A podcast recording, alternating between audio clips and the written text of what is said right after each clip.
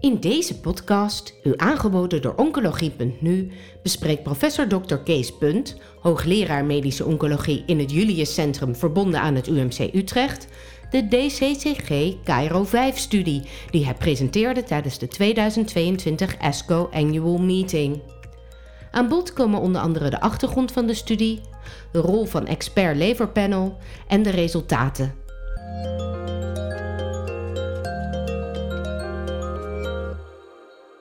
Kees Punt, hoogleraar medische oncologie en werkzaam in het Julius Centrum van het uh, Universitair Medisch Centrum Utrecht. Welkom.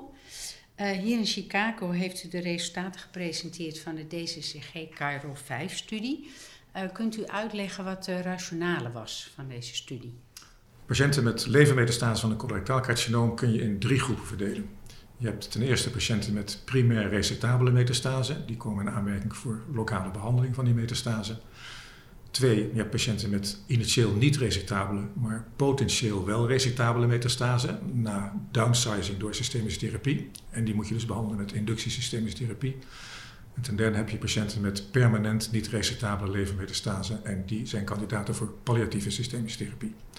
De problemen hierbij zijn echter dat er geen consensus is over de criteria voor resectabiliteit of geen resectabiliteit.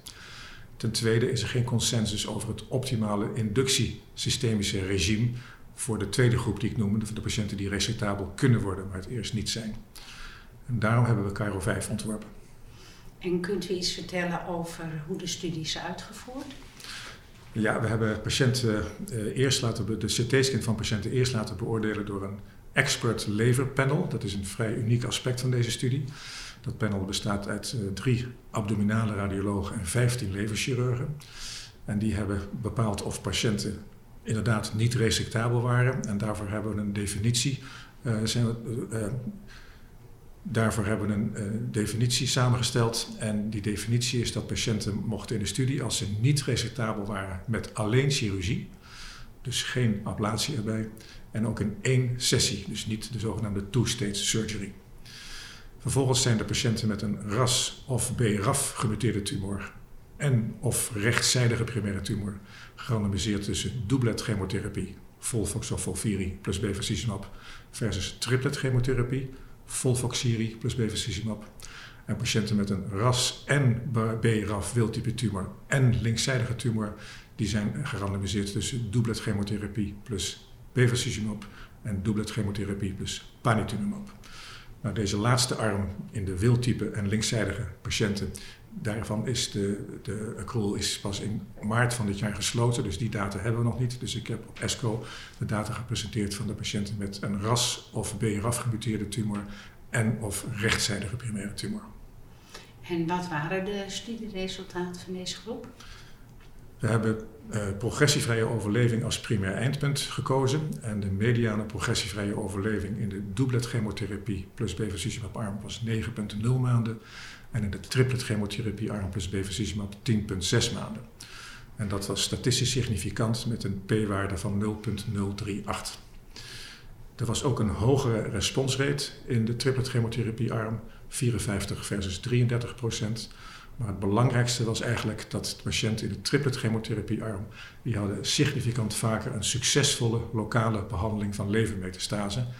51% versus 37%. En met succesvolle lokale behandeling bedoelen we een R0 of R1 resectie, al of niet met ablatie van alle levermetastase. En dat is denk ik een heel belangrijk uitkomstmaat van deze studie. Zodat bevestigt eigenlijk dat volvoxiri bevacizumab inderdaad de standaard nog steeds is, maar dat ook in deze groep patiënten met alleen levermetastase, dat deze behandeling de beste uitkomsten geeft op een lokale behandeling, die in sommige patiënten dus zeer langdurig kan aanhouden en sommige patiënten zelfs kan genezen. En kunt u het zeggen over de klinische impact van deze studie en wat de vervolgonderzoeken zullen worden? Um, de impact is uh, wat mij betreft dat volvoxiri bevacizumab de standaard wordt uh, en ook blijft in patiënten met uitgezaaide darmkanker. Tenminste voor de patiënten die, deze die, die fit genoeg zijn om deze behandeling te verdragen.